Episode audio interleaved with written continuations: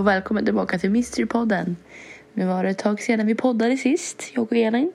Men i det här avsnittet, som är en ljusspecial, får ni hänga med mig Cornelia istället. Och jag kommer att berätta två historier som jag har valt ut. En längre och en andra kortare.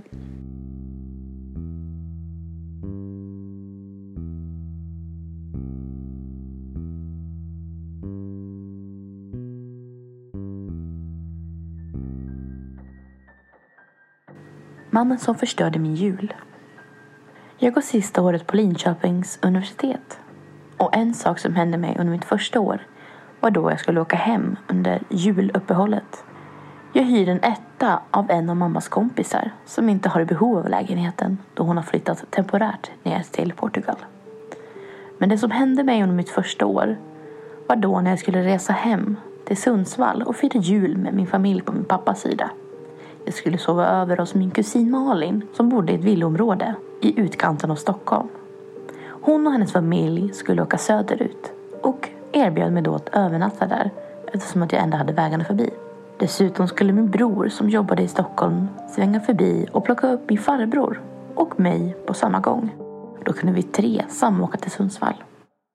När jag klev av det fulla tåget på centralstationen så möttes jag av Malin som stod på perrongen. Hon höll sitt minsta barn, Jakob, i handen. Hon körde hem mig till deras hus där resten av familjen packade för resan. Jag vinkade senare av dem när de åkte iväg när det hade mörkrat. Huset stod tomt.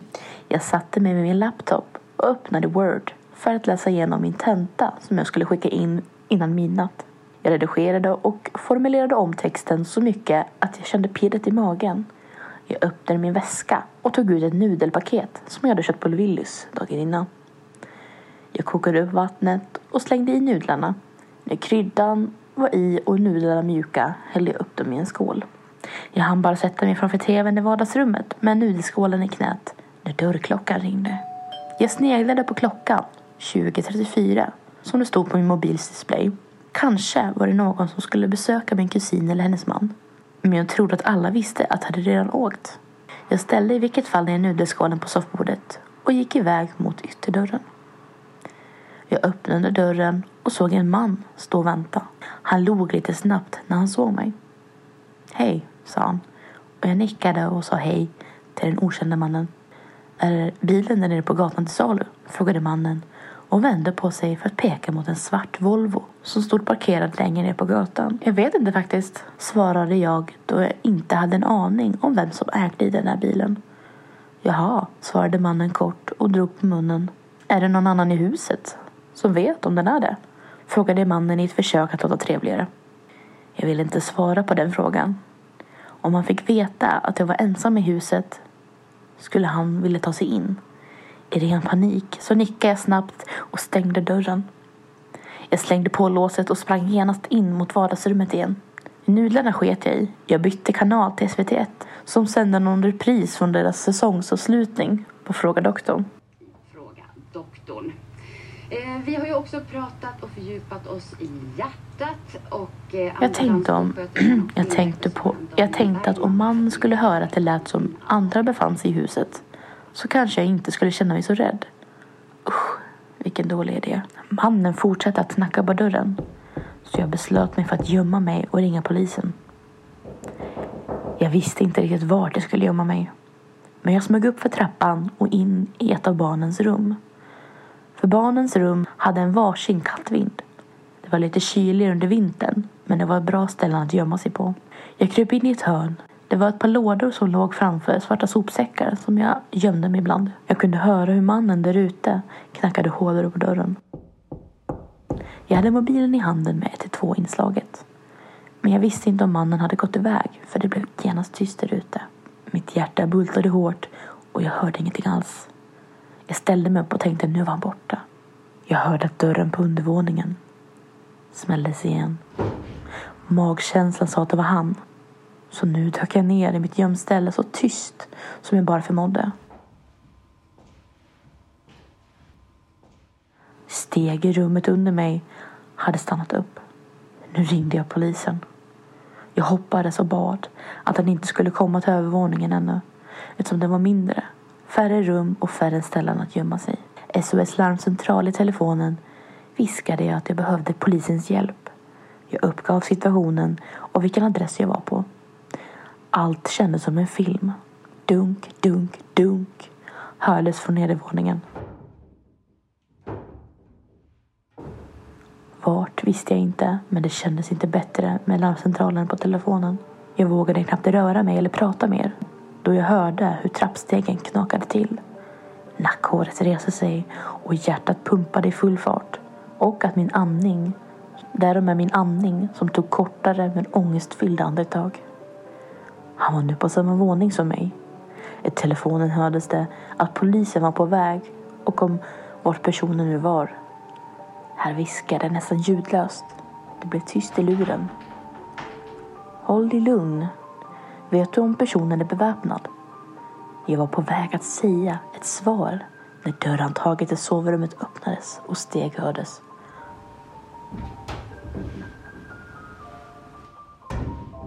Mannens andetag var höga och flåsande.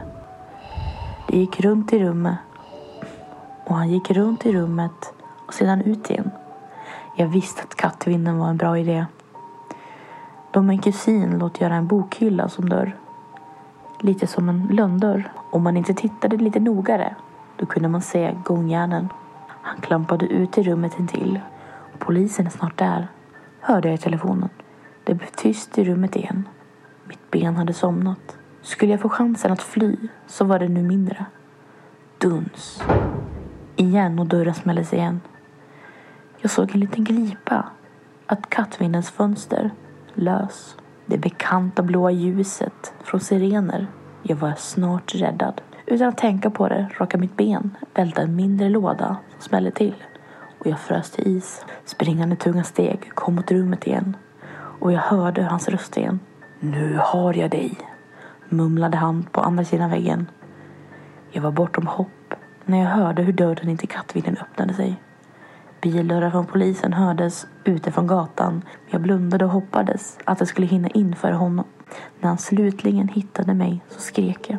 Hans ansikte var förvridet. I mörkret såg han ut som ett monster. Han hade massa djupa rynkor i pannan och vid hans mun. Men ögonen bara stirrade på mig. Kalla, nästan döda. Han tog tag i min arm och slet upp mig från där jag satt. Mitt ena ben var fortfarande halvt lamt och jag gungade fram och tillbaka på benen. Men hans mun öppnade sig mer och mer. Hans tänder gav mig intrycket på att han skulle bita mig. Munnen såg giftig ut. Men springande och tunga steg hördes springa i trappen och in i sovrummet och då släppte han mig och hans ansikte återgick till det normala. Och in kom polisen. Jag ljuger om jag säger att det ansiktet inte gav mig mardrömmar. Jag tvivlar även på att mannen var mänsklig. Han var inte lik en människa med det där ansiktet. Och jag bokade direkt ett tåg mot Sundsvall den här kvällen. Jag sket att det blev ett nattåg och dyrt. Men jag kunde inte vara kvar. Den här korta historien är inspirerad från en jul-creepypasta som jag hittade. Och den är lite försvenskad, inspirerad av vardagen. Um, eller man säger så. den är inspirerad av det svenska samhället eftersom att den riktiga creepypastan är baserad på en amerikansk kultur, eller om man säger så. Ett, ett amerikanskt samhälle kan man säga. Men nu tycker jag vi går till historia nummer två. Den som är lite längre.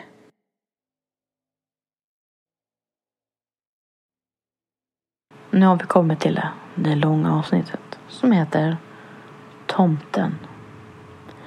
Som barn älskade jag att fira jul hemma hos min farmor och farfar som hade en stuga ute på landet. De brukade bo i stugan kring midsommar och julen. Och julaftonen 2002 skulle självklart också firas i stugan. Och i sin vanliga ordning skulle vi åka dit efter min julavslutning som hölls i en liten kyrka som hette Staffanskyrkan som låg ett stenkast ifrån min skola. Så efter julavslutningen då, den 19 december, satt jag i den kalla gamla Ford-kombin som mina föräldrar hade på den tiden. Den var fullpackad och snön låg som ett tjockt täcke runt oss när vi lämnade stan. Jag var sju år och tittade ut på landskapet som svischade förbi och mer snö föll ju längre bort vi åkte. Vi stannade på en vägkrok som vi alltid brukade göra. Det låg en Statoil intill som vi brukar tanka vid. Mamma rökte en cigarett och pappa packade om bilen. där han brukade dricka sitt kaffe efter maten. Och den låg oftast längst in i packningen. Vägarna var fulla av bilar och annan trafik tills vi nästan var framme. Eftersom att det bodde tre bofasta på samma gata som farmor och farfars stuga så hade plogen ännu inte varit där. Så vi fick vända och sedan kom plogen. Det hade börjat skymma och blivit kallare ute. Pappa hoppade ut och började packa ur bilen när vi äntligen kom fram till det rödmålade huset med vita knutar. Jag hoppade ut ur bilen, tog min ryggsäck och kände hur snön knastrade under mina skor. Kylan bet i mina kinder och det var kolsvart här ute. Det fanns bara två lyktstolpar vid huset. De andra husen hade också bara två lyktstolpar intill. Det var en bit mellan dem, så ljuset fanns bara där lyktstolparna var. Jag tyckte alltid att det var lite kusligt här när mörkret hade tagit sig hit. Särskilt på vintern när mörkret kom snabbt och varade betydligt längre än ljuset. Mamma ropade på mig och jag skyndade mig in i huset. Hon höll upp dörren och jag sparkade av mig skorna. Snön under mina skor flög ut på mattan i hallen. Mamma skällde ut mig och jag fick torka upp snön som hade smält.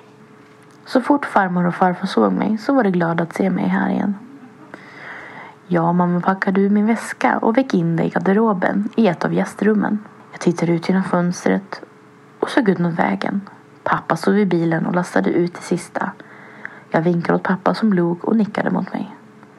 Men min blick fastnade på skogsbrynet bakom pappa. Något var där. Jag såg inte riktigt vad, men något stod där. Ljuset från lyktstolparna lyckades inte lysa upp vad det nu var. Jag stod där frusen. Jag tänkte att det kanske var tomten. Det såg ut som en människa.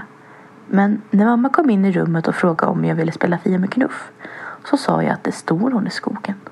Hon tittade bekymrat på mig. En människa? frågade hon och ställde sig bredvid mig. Vi tittade nu tillsammans ut mot den mörka skogen. Personen var kvar. Mamma tittade på mig. Jag ser inget. Hm, det kanske var tomten, log hon och smekte mitt huvud. Jag som faktiskt trodde på tomten blev glad. Sen när vi satt och spelade Fia med knuff glömde jag bort tomten i skogen för en sekund. När jag skulle gå och lägga mig så kände jag mig nyfiken på tomten igen.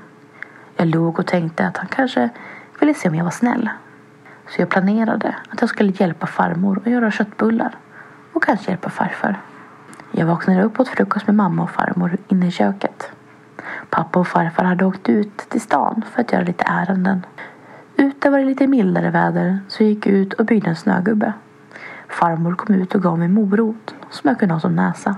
Snögubben fick också låna mina extra halsduk. Och fin blev den. Kanske en aning sned. När jag kom in för att det hade blivit så kallt frågade jag farmor om hon behövde hjälp med köttbullarna. Hon log och nickade. Ja, visst, svarade hon och vi satte oss vid bordet och jag fick rulla köttbullar. Det var inte perfekta, men det blev köttbullar. Pappa och farfar kom tillbaka innan lunch med en stor gran som de hade varit och köpt. Den var hög och mycket vacker. Den ville jag också vara med och klä. När granen var färdig fick vi lägga klappar under granen. Åh, vad jag minns att jag ville öppna de paketen som hade mitt namn på sig. Jag älskade julen och jag älskade klapparna. Och efter lunchen kom jag på en idé att jag skulle ge tomten en lapp. Jag tänkte rita och skriva ett brev till tomten. Jag skulle berätta att jag hade hjälpt till och var en snäll pojke. Jag tyckte att jag skulle få den här roboten som jag hade sett i Toys R Us katalog. Som jag hade ringa runt. Men jag hoppades att tomten skulle dyka upp igen och få mitt brev. Jag skrev något i stilen Hej tomten, jag har varit snäll i år och hjälpt till. Det jag önskar mig mest är en leksaksrobot. Nu kunde inte jag stava eller skriva fina bokstäver men jag ritade en robot som kom ut i ett paket. Med självförtroende tog jag med mig brevet ut, hängde upp brevet i trädet där tomten hade varit. Men det var så mycket fotspår i snön att det var svårt att tyda exakt vart. Nyfiken följde jag ett par av dem Vissa ledde runt huset, andra till och från vägen och sedan några djurspår som kom ifrån skogen. När jag kom in igen med blossade kinder så möttes jag av farfar i hallen. Jaså, har du varit ute en sväng? Frågade han och han själv var på väg ut. Ja, svarade jag och ville hålla det hemligt att jag hade gått ut och lämnat ett brev till tomten. Ska du med till vedboden? Frågade farfar och nickade. Jag fick bära en stor blå kasse och följde efter farfar. Han muttrade för sig själv när vi gick bakom huset. Han bad mig stanna vid vedboden och så gick han bakom den. När han kom tillbaka kliade han sig i huvudet. Konstigt, sa han och öppnade dörren till vedboden. Vadå? frågade jag nyfiket. Jag tror en fågel måste ha flugit in i fönstret i vedboden. För fönstret är trasigt. Jag tyckte genast synd om fågeln och tänkte är den död? Fryser den? Är den skadad? Men farfar gjorde ingen större sak av saken. Och vi bar in den färdighuggna veden från vedboden. Efter middagen så väntade jag vid mitt fönster för att se om tomten var tillbaka. Men jag såg inget. Klockan gick och jag gick till sängs. Jag och mamma åkte i affären dagen efter. Mamma märkte direkt att jag ville åka hem och titta om tomten hade fått ett brev. Hon frågade mig vad som stod på. Inget alls, svarade jag. Okej då. Men det är fredag idag, sa hon och vi gick mot godiset. Du får plocka lite om du vill, sa hon och jag blev lyrisk. Godis, det var fredag. Hemma så sprang jag nästan in. Pappa och farfar stod och pratade i farstun. De stod och pratade om vedboden. Men jag lyssnade inte särskilt mycket och tog en lättare kasse. Jag satte på mig termobyxor och begav mig ut igen. Det är snart mat, så var inte långt från huset. Ja, ja, svarade jag och stängde dörren bakom mig och sprang ut mot skogen. Det var samma fotspår. Eller var det fler? Jag var inte säker, men jag ville se om brevet var kvar. Jag blev förvånad när jag såg en liten lapp mellan grenarna istället. Lappen var avrivet papper, skrivet med en bläckpenna. Det var tomten, tänkte jag. Och så tog jag bort lappen och försökte läsa den. Fast jag mestadels ljudade bokstäverna. Fortsätt att vara snäll. Det man önskar kan man få. Tomten, läste jag. Visst var det inte som det brev jag hade fått på posten av tomten som hade ett sigill. Men jag tänkte att det kanske bara... Jag tänkte att han kanske bara skickade ut brev med sigill när det inte var speciellt. Men det här var ett speciellt brev till mig. Jag fick ihop lappen och lade den i min jacka. Tomtens brev, tänkte jag. Mamma, pappa, farmor och farfar satt inne i vardagsrummet och pratade. Men det tystnade när de såg mig komma in. Hej gubben, sa mamma och gav mig ett leende. God morgon, sa jag och gnuggade mina ögon. Pappa och jag måste åka hem, sa mamma och ställde sig upp. Men ni kommer väl tillbaka innan julafton? frågade jag. Ja, det är klart, sa pappa och nickade mot mig. Men vad ska ni göra? frågade jag. Pappa måste jobba jour, både idag och imorgon kväll. Men vi är hemma dagen innan julafton, sa mamma och kramade om mig. Lovar du? frågade jag och hon smekte mig på huvudet. Självklart, sa hon. Du åkte innan lunchen. Fast farmor och farfar försökte övertala mamma och pappa att åka efter lunchen. Men de ville komma snabbt iväg innan mörkret faller. Farmor satt och stickade medan farfar hade gått över till grannen och hjälpa henne med något. Jag ville fråga farmor om tomten, nu när vi var ensamma. Farmor, frågade jag. Ja, vännen, frågade jag medan hon stickade. Bor tomten här i skogen? frågade jag. Han bor väl på Nordpolen, sa hon. Men kan han besöka barn innan julen? frågade jag. Ja, sa hon. Han brukar väl skicka ut sina småtomter för att se om barnen är snälla, sa hon allvarligt och gav mig en glimt i ögat. Småtomtar? frågade jag. Ja, det är kortare tomtar som bor intill gårdar. Jag hade en när jag var barn, sa hon. Hade du? frågade jag nyfiket. Jajamän, svarade hon och lade ner sockan som hon stickade på. Han brukade hjälpa till på vår gård, men när vi flyttade så såg jag honom aldrig igen. Farmor satt och tänkte tillbaka på hennes barndom. Men hennes tomte verkade mindre än den jag såg. Men, men tänk om den riktiga tomten gör besök ibland innan julen? frågade jag. Har du sett någon? frågade farmor. Nej, jag undrar bara, ljög jag. Hon tittade lite misstroget på mig. Men jag tror hon antog att jag hittade på. Ja, kanske, sa hon och log. Idag var det lördagen. Dan före dan före dopparedagen. Som min farmor sa. Den 21 december. Dag skulle farmor göra massa julstök hemma. Jag ville inte vara i vägen så jag gick ut till gården utanför istället. Jag möttes av vad som var kvar av min snögubbe. Huvudet hade ramlat ner och låg prydligt intill snögubben. Konstigt, tyckte jag. Om huvudet hade vält så hade det väl inte stått prydligt intill snögubben. Men jag trodde eftersom att det var så sned så hade den i alla fall ramlat ner. Jag satte upp den igen och valde istället att göra en snölykta på framsidan av huset. Farfar kom ut och frågade om jag ville spela kort med honom. Så det gjorde vi när snölyktan var klar. Mörkret lade sig ännu en gång över allt där ute. Innan läggdags tittade jag ut genom fönstret igen. Och där stod han. Nu såg jag lite bättre denna gång. Jag såg siluetten av tomten. Jag vinkade ivrigt mot tomten. Jag tryckte ansiktet mot fönstret så att det blev alldeles immigt där jag andades. Tomten vinkade tillbaka. Han fanns där ute och jag skulle träffa honom igen. Farmor bad mig att borsta tänderna och efter det så var tomten borta igen. Söndagen den fjärde advent var en mysig morgon. Solens strålar gav landskapet en gyllene och idylliskt sken. Träden var vackra i det gula skenet. Till frukosten serverades det även den traditionella lussebullen eftersom att det var advent. Sen fick jag kolla på ett inspelat program av Lattjo Lajban som farfar hade spelat över på VHS. Efter det åkte jag och farfar och, och Pim och efter det åkte jag och farfar och pimplade i en sjö som hette Valsjön. Det var kallt och inget napp fick vi de första timmarna. Men med varm choklad och grillad korv så blev det genast bättre. Farfar fick upp en fin abborre och jag fick en lite mindre regnbåge på mitt pimpelspö. Efter att spendera fyra timmar så återvände vi hem och jag såg att mamma och pappas bil stod på uppfarten. Farfar och jag visade upp vår fisk och sedan skulle farmor grava med regnbågen regnbåge över natten. Klockan sju på kvällen satt vi samlade framför den tjocka tv-apparaten i vardagsrummet och tittade på Bingolottos uppesittarkväll. Lasse Kroners göteborgska dialekt strömmades ut ur tv-apparaten. Det var bara farmor, mamma och pappa som spelade. På soffbordet stod en skål med hasselnötter och valnötter. Men jag hade trots allt kvar godis att äta. Efter sång, bingo och allt när klockan hade gått och jag, trött, hade somnat i soffan. Jag vaknade i det svagt belysta vardagsrummet. Diskmaskinen i köket dunsade och klockan tickade. Det måste varit sent och granens ljus gav rummet ett inbjudande sken.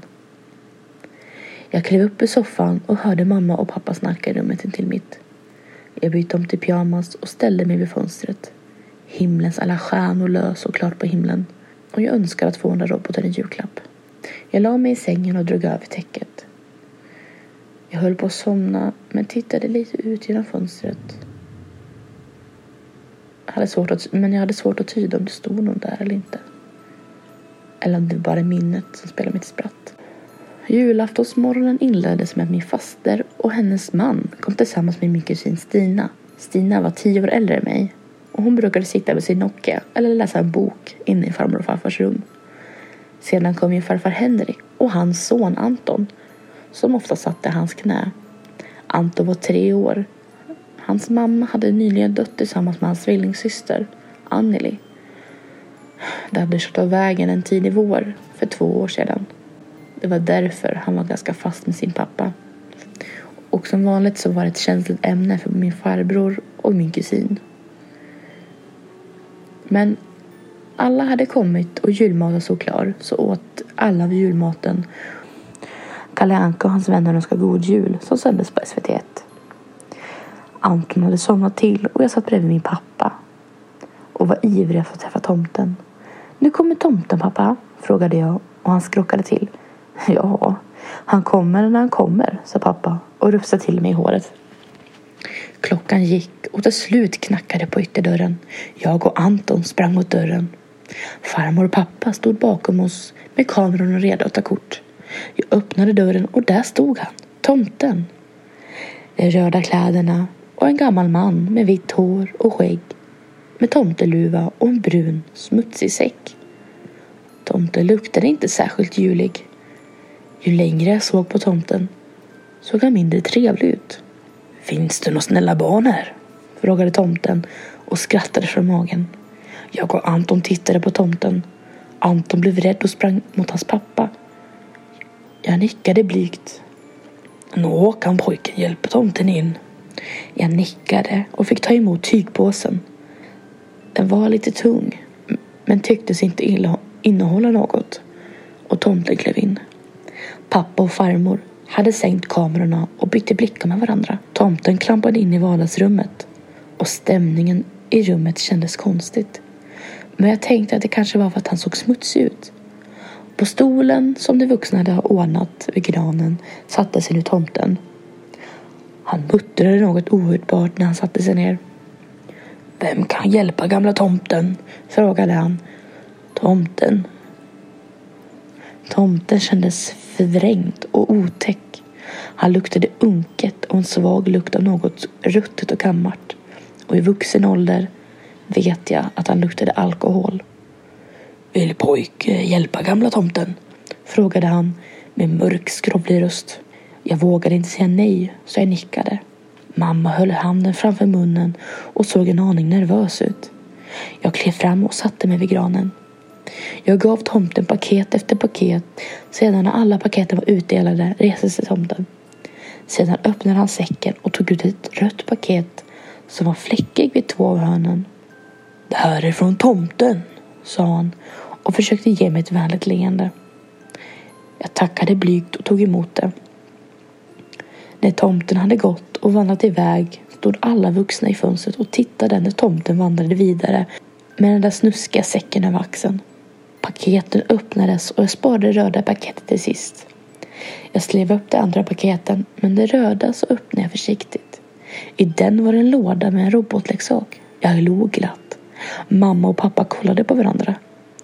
De visste inte att jag hade bett tomten om detta. För av dem fick jag ingen robot.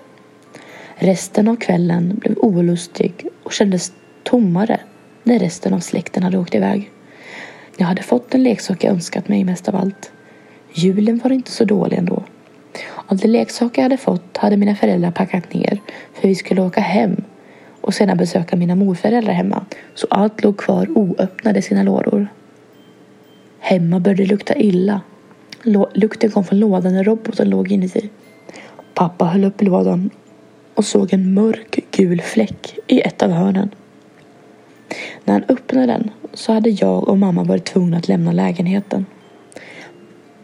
Pappa berättade då att den var trasig och därför behövt slänga den. Pappa hade då berättat att den var trasig och därför behövt slänga den och att jag och mamma måste åka ensamma till mormor och morfar medan pappa hade stannat kvar. Och att jag och mamma måste åka ensamma till mormor och morfar medan pappa hade någonting han var tvungen att göra hemma. Men sanningen fick jag höra många år senare. Och jag hade redan slutat tro på tomten flera år tidigare. Men det som hade skett hemma hos farmor och farfar gör mig mörkrädd. Den som jag trodde var tomten var självklart inte tomten. Utan det var en alkoholiserad man som lurade omkring där ute. Han hade brutit sig in i mina farföräldrars vedbord, stulit deras yxa. Sedan hade mannen brutit sig in i ett grannhus, mördat honom och sedan sett tomtekläderna. Eftersom att det var den här grannen som jämt hade ställt upp med att vara tomte i min familj. Sedan hade han gått runt vårt hus och spanat in mitt rum. För det fanns blodiga fingeravtryck på fasaden och under fönsterblecket intill mitt fönster. Men eftersom den röda färgen på stugan var röd så såg man inte blodet förrän utredningen. Den där mannen hade följt efter mig under hela vistelsen de dagarna jag var där. Han hade till och med halshuggit min snögubbe två gånger. Andra gången fanns det lite spår av torkat blod på snön. Han hade tagit emot mitt brev sedan svarat mig. Men värst av allt var när han lagt ner en del av min granne i min julklapp. Jag fick aldrig veta exakt var det var. Men pappa ville aldrig berätta mer. När mamma och jag hade åkt iväg hade pappa ringt polisen. Och tillsammans med polisen i kommunen där farmor och farfar bor kontaktade man dem. De fann mannen i tomtekläderna inne hos grannen som låg styckad på golvet intill sängen.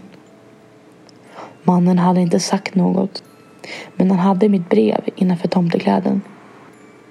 Men han hade mitt brev innanför tomtedräkten.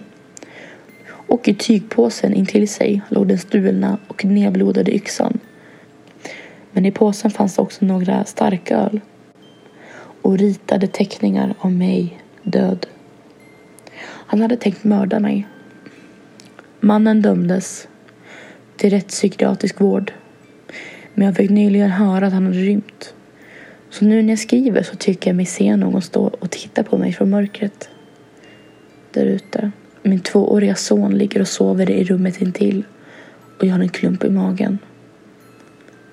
Det är dagen före julafton och jag tror han står där nere och vet att jag är den sjuåriga pojken som han ville mörda 2002.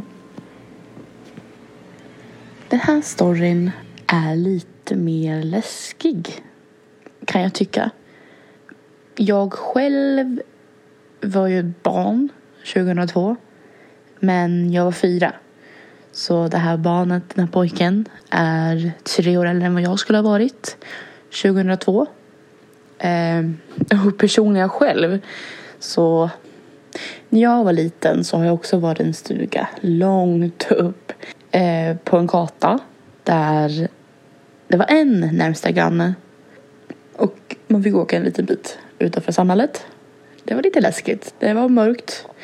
Särskilt på vintern så var det jättemörkt. Eh, och jag kommer ihåg att den här grannen var riktigt knepig. Det var inga...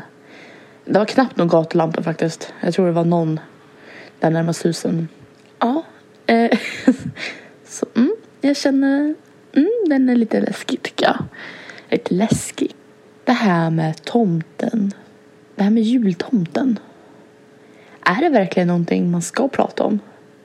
Det kan vara en farlig grej, tänker jag. Att eh, egentligen lura i barn om jultomten och som den här pojken i storyn trodde att den här mannen, den här mördaren, var tomten, jultomten. Men det var det ju inte. Och det blir så här. Hur många jultomtar i varuhus och ja, gubbar med skägg, vitt skägg och ser lite runt runt magen ut har liksom inte blivit kallad för tomten av något barn. Oavsett vart man nu är i världen. Det är liksom stora utropstecken, tänker jag. Eh, jag menar, vilken sån här man kan liksom kalla sig själv för jag, jag är tomten. Shh. Jag är liksom... Jag eh, går här under mitt täcke täckmantel så säg inte till någon. Shh. Och sådana där konstiga grejer och så bara jag är tomten. Jag ska ge dig en speciell julklapp, kanske innan jul. Och då är det klart att barnen blir exalterade. De älskar ju liksom julen. Det är, tomt, alltså det är liksom presenter.